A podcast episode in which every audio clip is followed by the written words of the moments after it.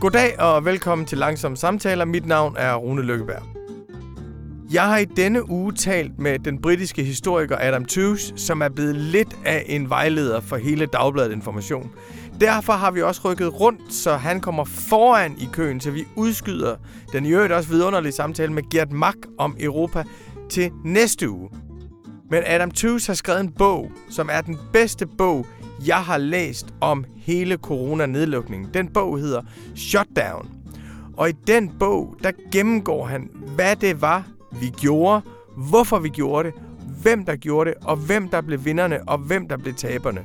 For det skal jo ikke være nogen hemmelighed, at vi her på Dagbladet Information har været utroligt begejstrede for den meget, meget store vilje til at handle kollektivt, til at investere stort, til at lave ting om, til at holde flyvemaskinerne på jorden og bygge barakker og vaccinecentre og alt muligt.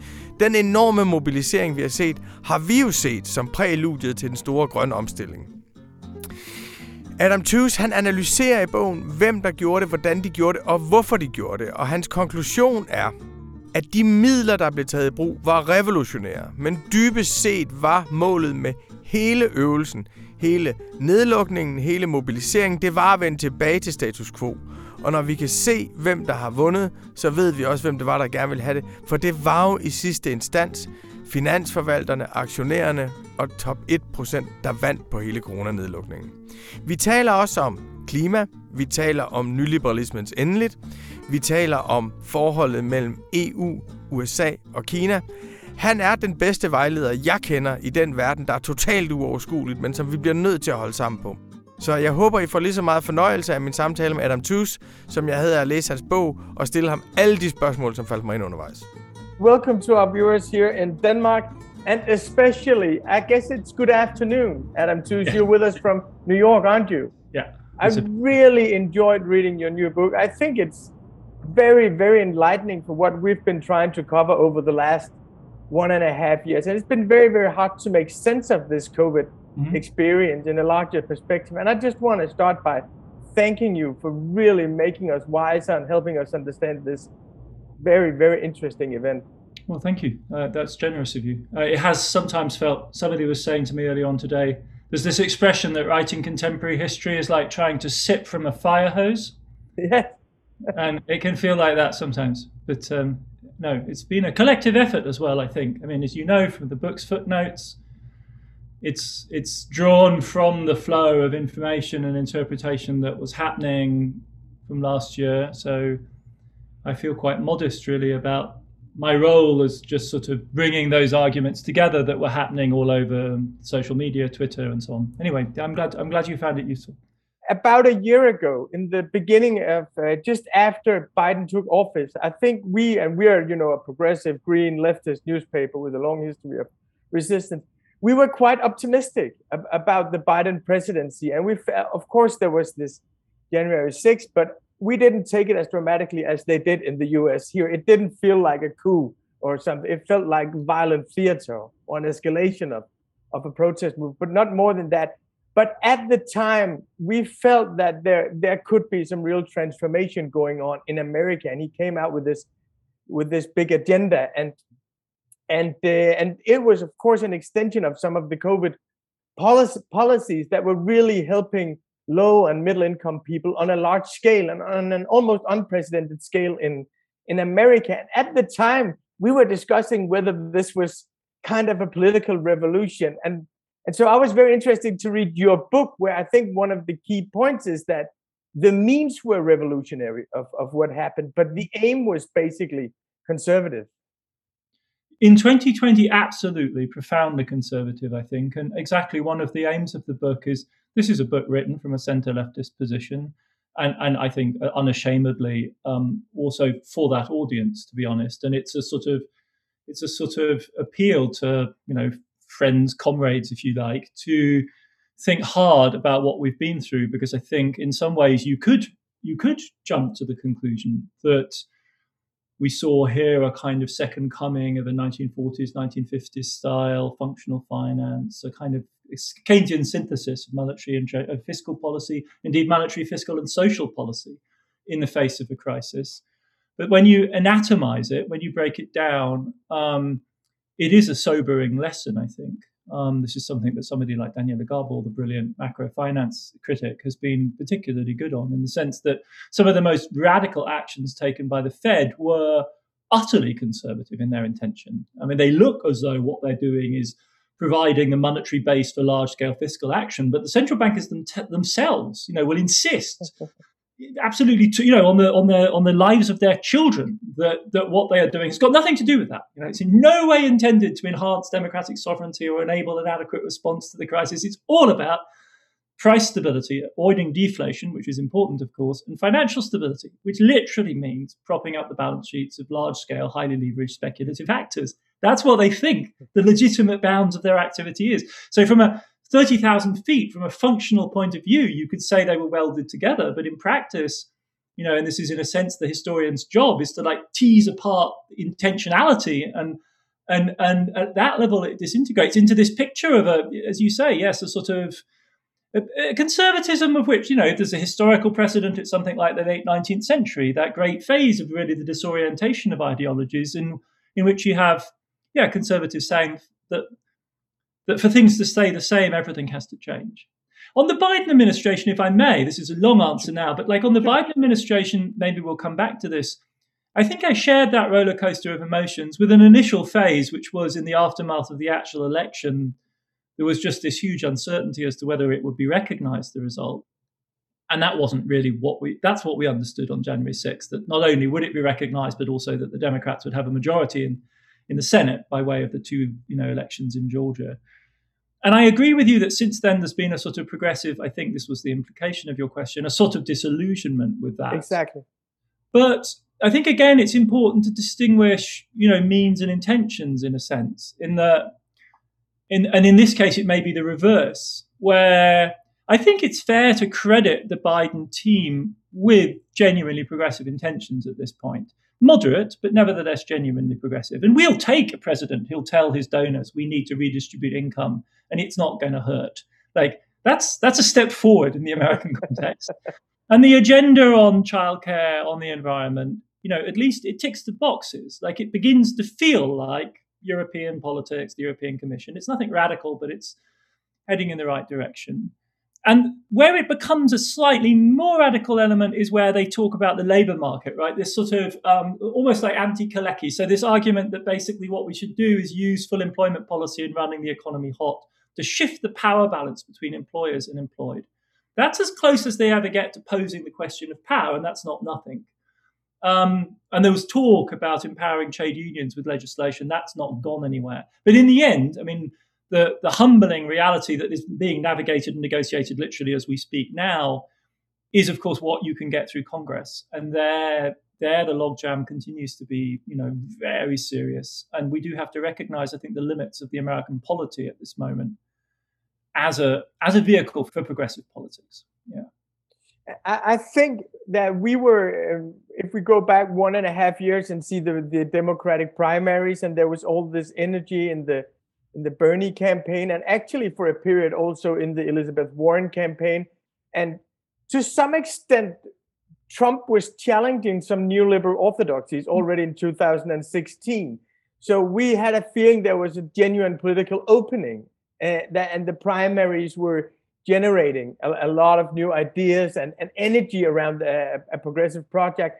And then came COVID, and it was like COVID to a certain extent proved that Bernie Sanders was right that that this was really a fragile America, that socially America was extremely fragile, and this very wealthy, very strong, culturally totally dominant power was extremely fragile at home. And I think at that time, when Biden then got the nomination and he appeared with Bernie. They were doing policies together.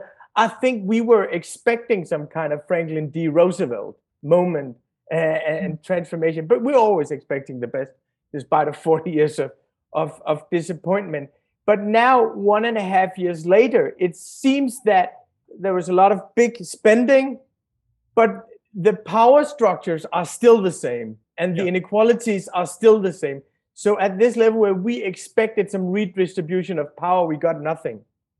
I mean, I think the redistribution of power point, like I say, I mean, is the very minimal version of a hot labor market You know, that is that is the extent of it. It's very unclear there'll be any deep institutional shift.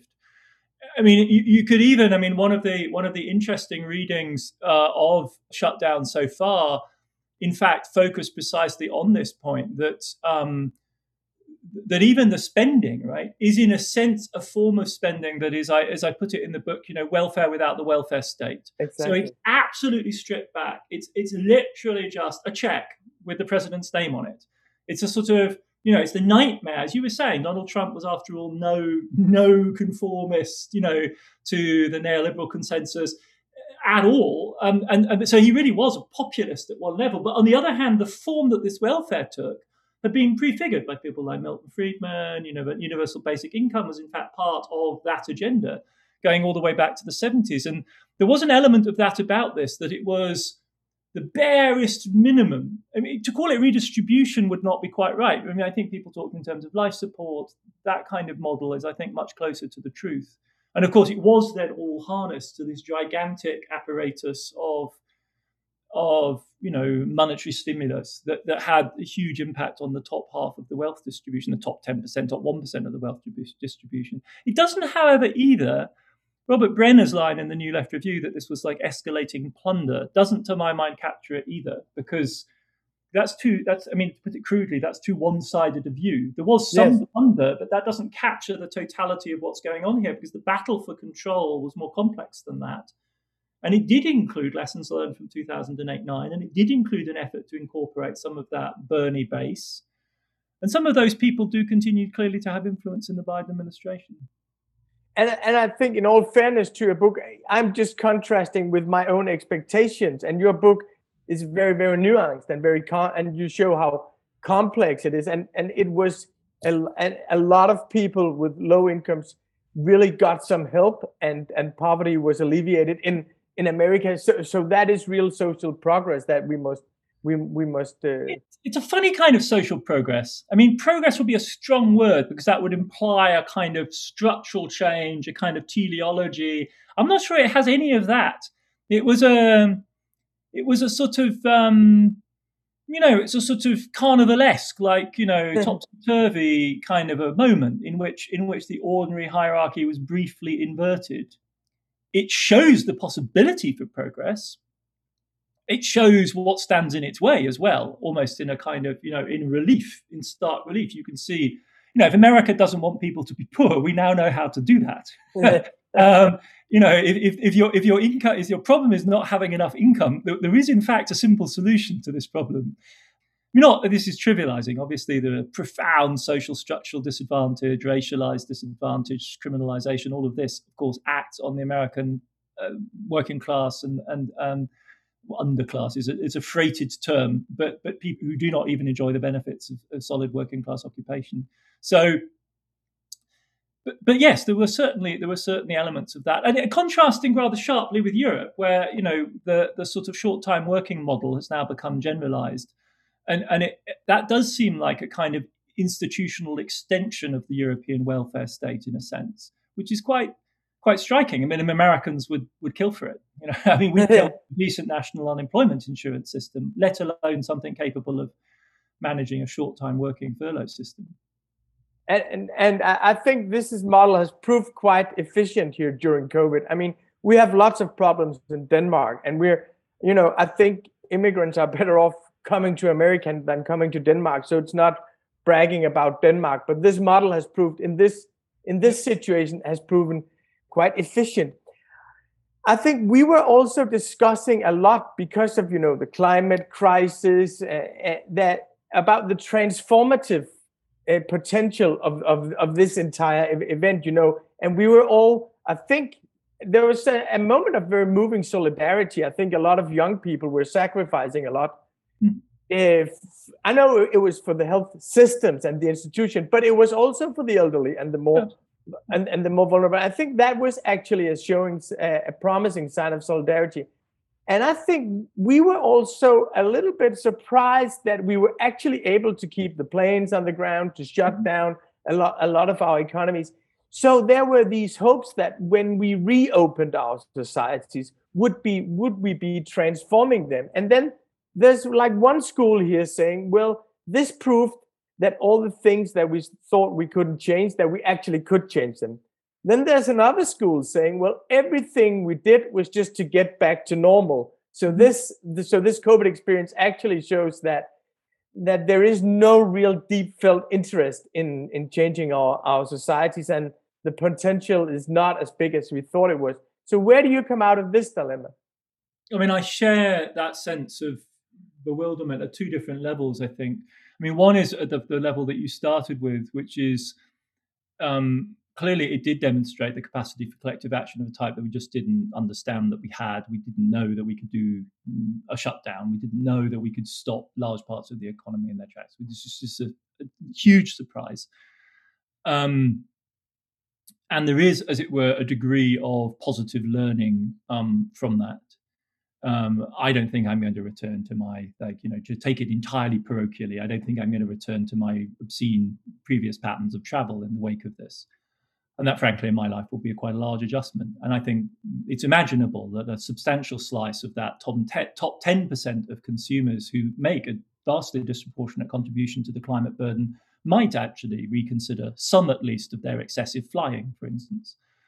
And that would be a step in the right direction small but non-trivial so i think there's that that's sort of real i think there is absolutely as you say this imperative as it were to return to normality and I think that stems from two different directions. One is a sort of conservatism, which just simply you know, rejects the need for change.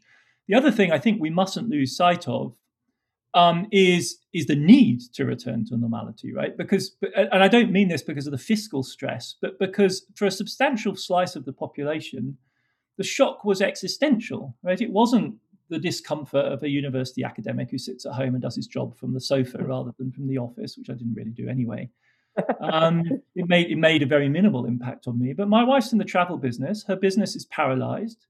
Um, she knows dozens and dozens of people around the world who are still not certain whether they will be re-employed. She knows people in places like Cambodia and Vietnam who literally don't know where their next meal is going to come from. And their uncertainty going forward is radical. No one knows whether there will be a tourist season in 2022. And often we sort of shrug about this as though this was sort of a secondary issue because, in some sort of stripped down vision of, I don't know, some satisfactory life, we don't need to do it. But A, that may not be true. We kind of do need to do it. And B, whether we do or not, there are literally tens, if not hundreds of millions of people around the world whose entire existence depends on this. And many of them women, uh, in fact, probably a preponderance, and many of them in low-income and middle-income countries who don't fig- feature very large on the you know calculations of what we think we can maintain in the comfort of the rich countries, and I think we lose sight of that too easily, and that for me is the sort of imperative to the return to normal. In other words, and this goes to the question of the just transition. Like if we had been thinking hard about the climate problem, everyone since the Gilets jaunes, if not before, was focused on the just transition problem. What we experienced in 2020 was a profoundly unjust transition. It was sudden, it was radical, it was arbitrary. Whether or not you were okay was entirely beyond your control. You had no warning, and tens of millions of people lost their livelihood and still aren't certain of having them back. And why they're not certain about having them back is the second element, which really speaks to my kind of profound ambiguity. Is on the one hand, the, you know, the, the short answer is vaccines. Like yes. so, the reason why those of us in the advanced economies like have a degree of certainty about our lives is that we got vaccinated. We got vaccinated early, and that's a miracle. It's an absolutely astonishing miracle. Uh, really remarkable, and we could do that. And so, you know, one part of me says, look, you know, if we were spending hundreds of billions of dollars on carbon capture or hydrogen or EV or whatever. Take your pick, take your fantasy technology. If we were going to spend serious money on it, we get that. Like we've shown that we can do it. It's a question of resource mobilization and commitment. But the fact of the matter is, we've done it. We have these vaccines. We've achieved the miracle. They are the silver bullet. We know how much it would cost to distribute them to the whole world and actually make us all safe, and we are not doing it. And this isn't something that would pay off in 20 years' time and benefit our grandchildren. This literally decides whether we can coherently plan summer holidays in 2022. And we're still not doing it. And there is virtually no popular pressure for our governments to do it. I don't see any mass mobilizations saying, you know, under the slogan, none of us is safe until we're all safe. I want to know how many people you vaccinated in Ecuador, in Brazil, because It's not about them, it's about us. Because out of those places, potentially, or Tennessee or Kentucky, the variants will come, which will overwhelm the immunity that you've provided us with this miracle. And that joined upness is just not there. And, and if we can't do that joined upness for something that has a rate of return, according to the IMF, of 100 to 1, $10 trillion benefit, $100 billion up, 100 billion upfront. Like that's a return of 100 to 1. And it will pay off, to, no, literally tomorrow, more or less. In the middle of an epidemic that's currently still affecting us, what hope do we have of arbitrating the complex 20, 30 year time span, marginal rates of return, green energy transition hmm. stuff we've got to do? I mean, it just sort of, it, it, it, it makes you despair, I think, of the collective capacity really to act.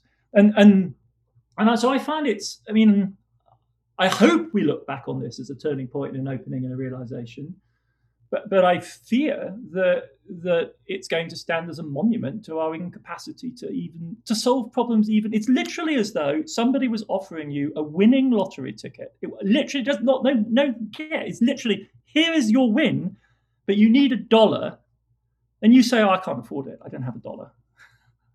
I, I can't pay. I can't buy this lot. I can't buy this winning lottery ticket. I mean, it's it's it's counter to reason one of the explanations for that here, I share your your disappointment and and uh, because this is not like climate change. This is not like you have to transform our way of transporting ourselves.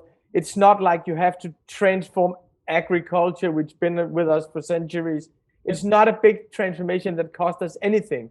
This is this is just putting pressure on on our leaders and the pharmaceutical industries that people are you know it's an easy enemy you know it's, a, it's it's really an easy enemy but i think one of the explanations at least here is that in the beginning we had this for me completely unique experience of being in, in the same situation at the same time with people all over the world yeah. so you know and no matter what tv channel you were watching if you understood the language or anything you knew what they were talking about yeah. And now we're here in Denmark. All restrictions are gone. My mm. wife, she's from Iran, and they're in an absolutely hopeless situation. you know, absolutely yeah. hopeless. Their health system basically collapsed. So if you're in a hospital there, they, they say, well, you have to get medicine on the black market yourself. But we're not following that because we're sick of COVID here. So this sense of being in the same situation this sense of immediate solidarity. You know, people here actually felt a lot when they saw these scenes from New York, these scenes from Italy. And I think that's gone now.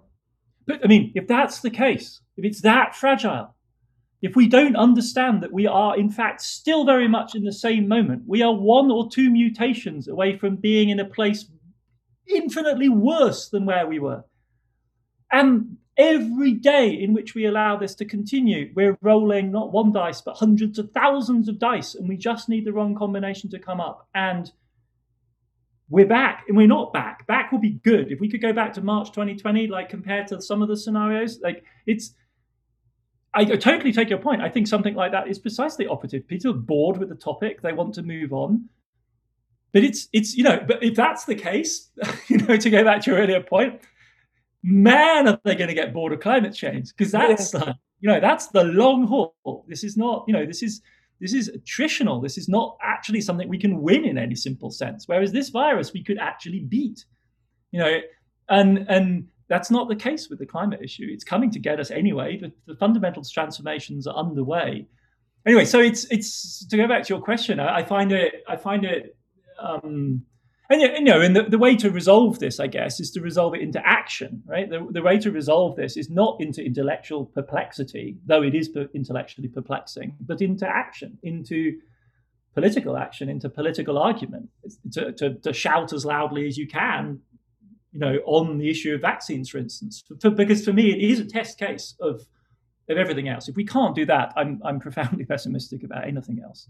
To go back to your book, one of the questions that we've been asking all the time, and I think not only left wing newspapers, but everyone has been asking is this question that we asked ourselves in 2008 as well is this the end of neoliberalism and and uh, and of of course when even i think even the financial times actually proclaimed the end of neoliberalism in 2008 and and it proved that that it that it definitely wasn't. And I, I think some of the core axioms of neoliberalism has basically been challenged, and it's clear that that some that the the way we think about supply chains and and there there's been some adjustments to to a new and this is something that you write about in, in the in, in the book as well but your point actually is that that these this huge spending was kind of a reaffirmation of, of a certain aspect of neoliberalism. Isn't that correct yes i mean i think i mean it's a really tricky topic to handle because there are so many different ways of thinking about the problem and I think we have to recognize that as a fact rather than sort of to throw up our hands or to say that that means it doesn't mean anything. Um, I think as a, as an axiomatic system, as a system of thought, I, I, agree that it you know has lost its actuality, has lost its energy. It's not a campaigning program on which anyone really wants to stand. But I think if you reckon seriously with the history of the neoliberal epoch, it never really was consistent to its ideas, right? It would also be rather weird if that were the case. It's not generally true that programs do get implemented like that.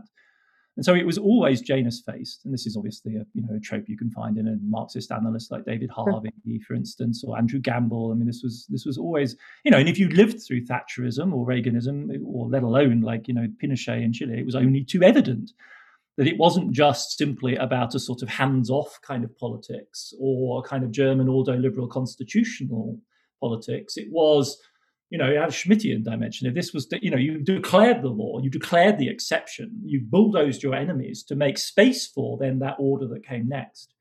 And so he'd always had that duality. And I started thinking about this very hard when I was thinking about the aftermath of 2008. And you have Wolfgang Schäuble on the one hand, like a classic Freiburg ordo liberal lawyer trying to create rules for Europe.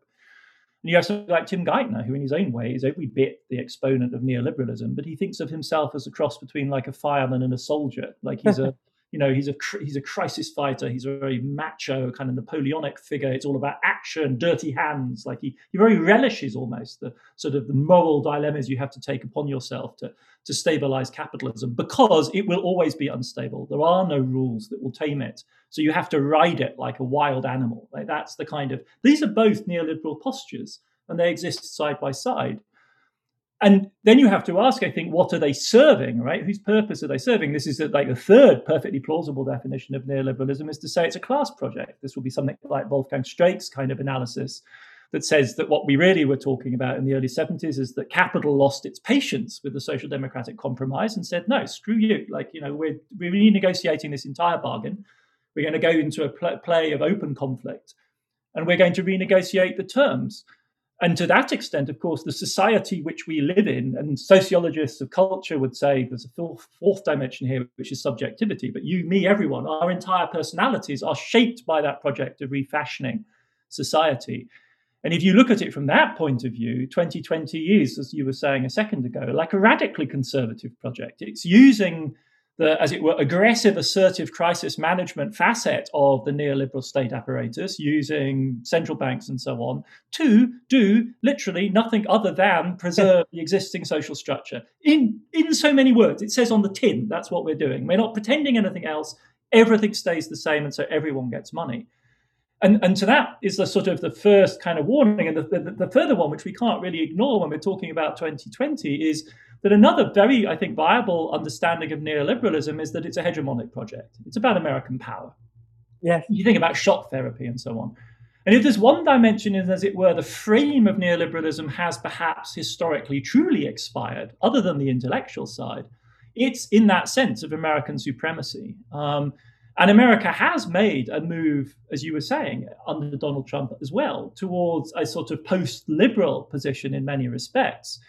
But of course, it's profoundly ambiguous in its politics, its valence. It could be progressive, but it could also be McCarthyist, anti communist, anti socialist, you know, enemies abroad, enemies at home, culture war. And it could, of course, fixate on China um, as, as the object of that, of that hostility. And that's what we saw in 2020. So, to that extent, you could, I think, speak of a fundamental and objective crisis of neoliberalism as a project of American power. But you would, I think, have to be very bold to suggest that you thought this had progressive consequences. so in all of these, all of these ways, like to my mind, sure, we live amongst the wreckage, perhaps, of the intellectual project. but we we are the society it created. I mean, it's really very difficult to extract oneself from it. You have to make very bold life choices to really separate yourself from neoliberalism as social structure. We, in 2020, enacted once more our like existential dependence on the backstop of that because we can't afford, let's face it, no one can, progressive politics or not, we can't afford to have a meltdown in the US Treasury market. So God love the Fed for preventing that. But the consequence of that is the social structure is preserved. And the bit which really has given way, which is the geopolitics, I think leaves us in a space which many progressives found very bewildering. They don't know what position to take on China. And the position that is most offensive, and that America has become hegemonic very quickly, is a kind of rewarmed Cold War uh, position of hostility. And that has acquired very considerable salience um, in Europe as well. Um, so that for me is the kind of picture that we're in. And this is even before we start talking really about the ecological dimension, but that's enough, I think, as it were, to, to chart some of the complexity of this moment. One of the very big qualities of both crash and shutdown is the way that you map how actions are being taken, but you never say, well, this is the one actor deciding everything. You know, you get as a reader the sense of the actions and the sense of the complexity and it's not just all in Foucauldian systems, but there's no principal actor deciding everything here. But as someone who I'm not an economist, I'm just a journalist trying to put things together.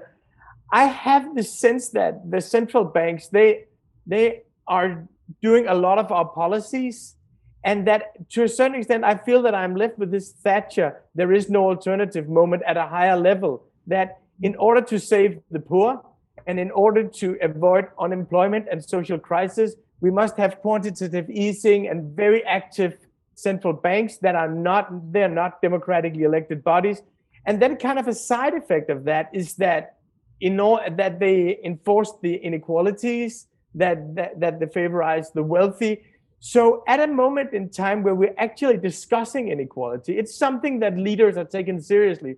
We have these policies by a non-democratic actor that are enforcing the inequalities that we don't want.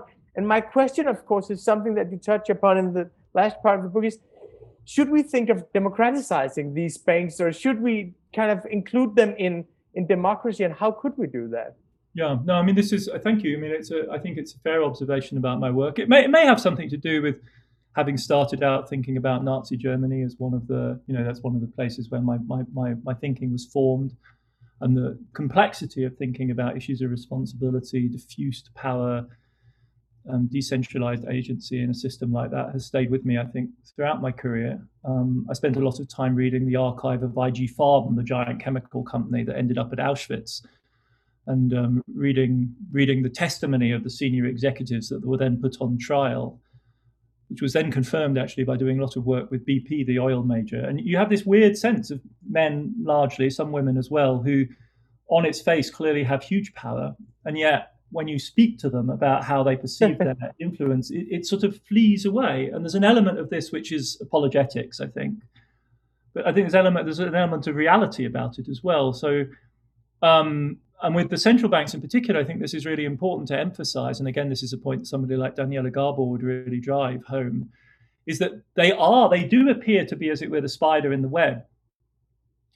But in a sense, um, they too, their hands too are forced. So the giant actions that we saw from the central banks in March in 2020 were um, forced on them. This is not not no part of their life plan beginning this year to buy five percent of the U.S. Treasury market in a matter of weeks. I mean, that really was not something they were planning to do, and they they did it um, because they could see the unraveling of a whole series of decisions being made by private speculators all over the world, and indeed sovereign wealth funds all over the world that were just threatening to destabilize this system. Which, if this system then ran out of control, would destabilize another, you know, tens of thousands of people, maybe maximum, thousands of decision makers, but influencing tens of trillions of dollars, would then unhinge the entire global financial system. It's a tight network. It includes, you know, I think probably as in terms of important decision makers, analysts, and so on, maybe 20,000 people worldwide, and they control the entire thing.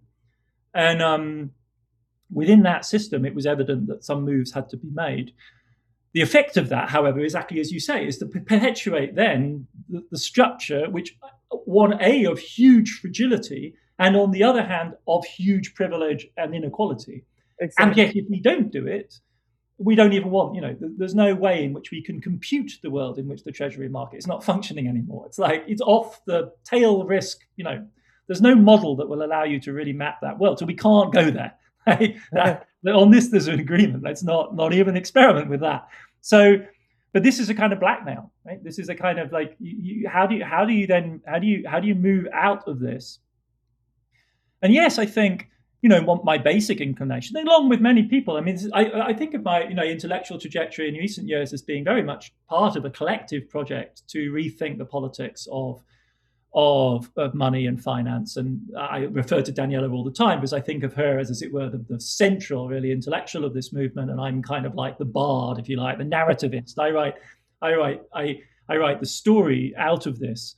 Um, but then you have, you know, positive money, and you have a whole network of NGOs which are literally cranking day after day after day on trying to expose what central bankers do, question it, bring them into dialogue. This is not this is not fundamentally a language of denunciation. It's a language of okay, does everyone understand what we're actually doing here, and how do we feel about it? When we express clearly what we're doing, how do we feel about this? And broadly speaking, I think of that as democratizing. I think of that as opening to discourse. I think of that as a liberal, left liberal. I'm fundamentally committed to that as the, the way to go.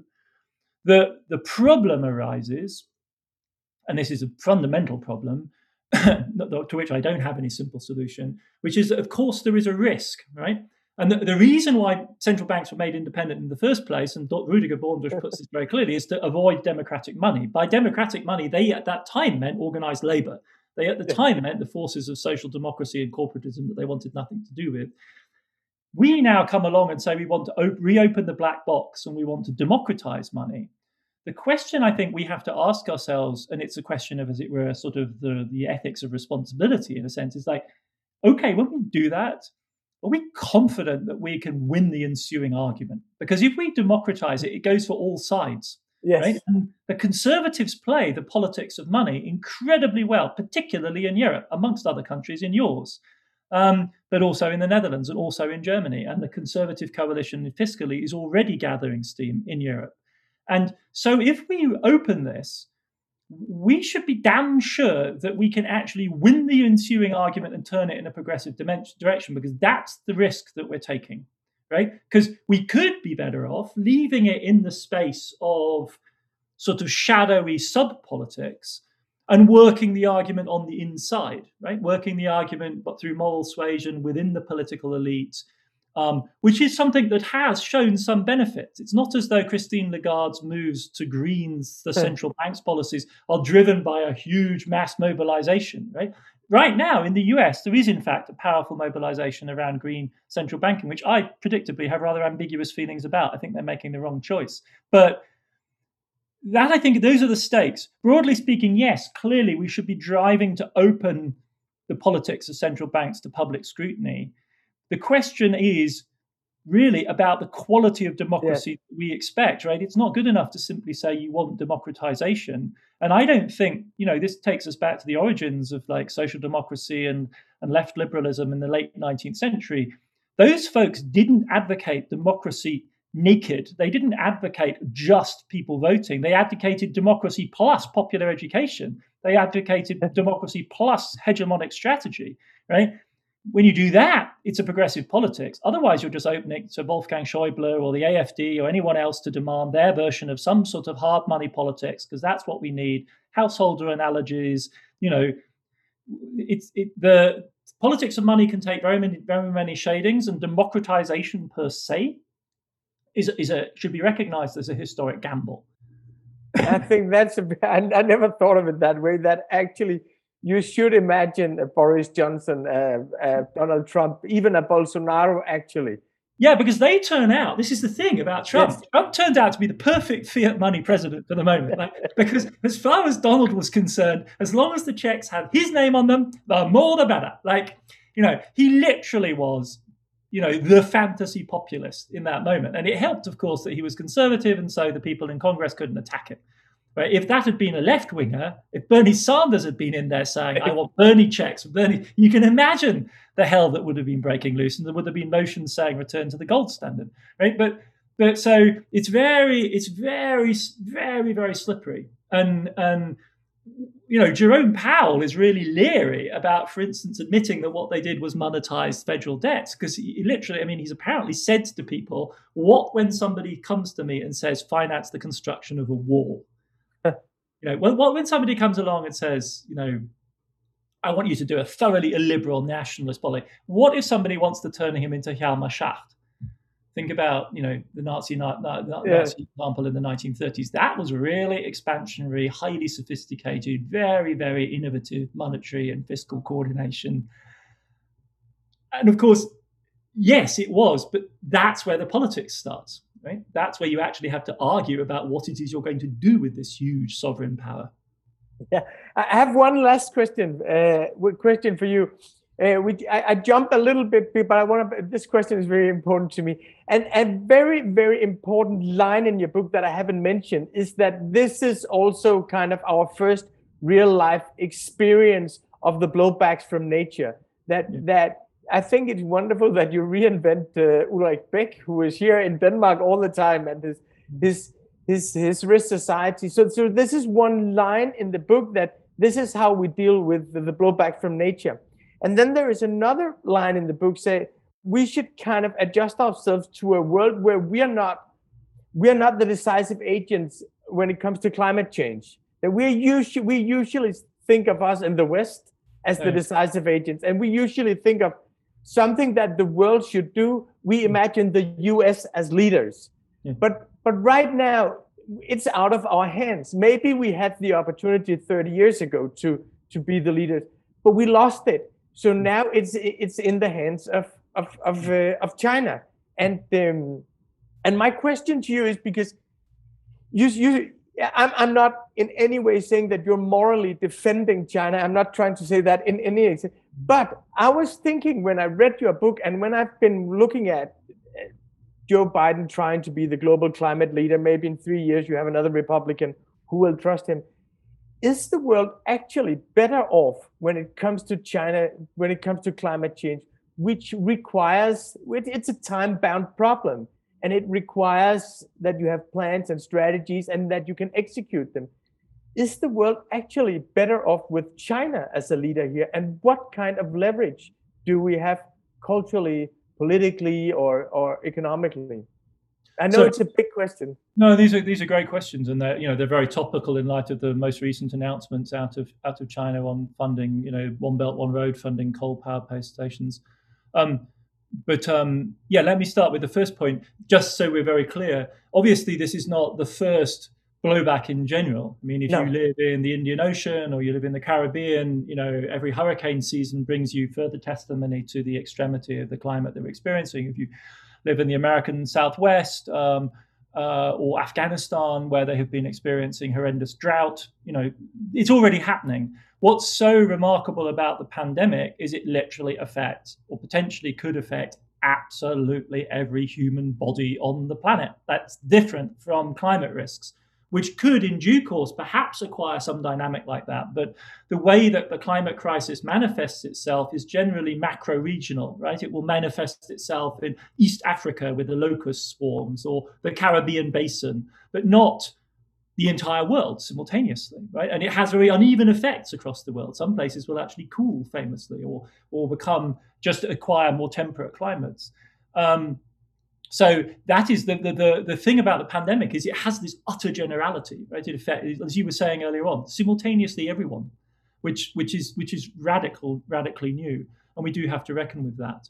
On the climate, yes. I mean, um, this is, I think, you know, as, as, a, as somebody who started out as a European historian, uh, very much, you know, I grew up in West Germany in the 1970s, as Eurocentric as they come, little Europe, you know, little Europe of the six. Recently, Britain had joined, Denmark had joined, but like that was the new thing. Um, the, the great experience for folks of our generation, obviously, is you know, the, the radical provincialization of the West by the resurgence of Asia as the hub of progress, in a sense, in the broader sense of the word, development, economic growth, technological change, um, the exit from poverty of literally hundreds of millions, billions of people in the space of decades. But one of the consequences of that, absolutely, is that in the last 20 years, China has recapitulated the entire preceding history of industrialization in 20 years. So they doubled steel output. I mean, it's it's so staggering, it's difficult to take in. But all steel making capacity up to that point, Krupp, Thyssen, you know, United Steel, the whole Mittal, Indian Empire, everything, they just doubled it um, in 20 years. They poured more concrete in three years than the United States in the entirety of the 20th century. it's just like this is these are um, it's it's utterly unlike anything we previously experienced, and the consequence of that is yes, they now emit more CO two um, uh, in total than all of the rich countries put together, and if you add up the populations of all of the rich countries put together, they have a similar population as China. And so, broadly speaking, what we're saying is their per capita emissions are now those of advanced economies, not yet those of Russia, the United States, Australia, but nevertheless very high, higher than Denmark's, higher than France's by a large margin, almost twice, right? Because they're very polluting. And and yes, I think the fundamental lesson for the West at this moment is to recognize, it's the post-colonial point, right? That we, we are literally just essentially collateral damage here. Like, you know, we do not control our own fate. We should not kid ourselves that anything we do, this move to how can we influence, forget it. The short answer is we can't. I mean, I know it's horrible to say, but the short yes. answer is it's, a, it's, it's, it's hubristic. It's self-aggrandizing and self-important to imagine. I mean, Eh, and you can see why because you know Germany is struggling to run down its coal-fired power stations, and it's like they're going to do it maybe by the end of the 2030s. And China, you know, the I think Germany is like number 11 in the list of Chinese provinces in terms of its coal consumption. Like they have 10 others, which are far, vastly more committed. So they have to do it. They have to do it for themselves, right? They have to do it for their own population because it's a hugely polluted country living on the edge of environmental viability. And it is a regime that has a very long time horizon, says it wants to rule for another 100 years um, in which case it needs to do it. And whether we do, well, what we do is neither here nor there, frankly. I mean, we, we should do what we should do, but we're, Europe is a dwindling part of this, and the same is true for the US. And the, you know, the, the one of my one of my criticisms of my friend, good friends in the Green New Deal crowd is that they buy so much of the romance of 20th century history yes. with the New Deal because we yes. know where the New Deal story ends. Right? And it doesn't end in Detroit in the late 30s. It ends in Normandy and D-Day in 1944. And the American, the good Americans arrive and liberate the world on the back of this. And if you read their texts, they're passionately enthusiastic about not, not the 1930s, but about Roosevelt's armaments programs. When you scratch them, what they'll show you is arsenal for democracy.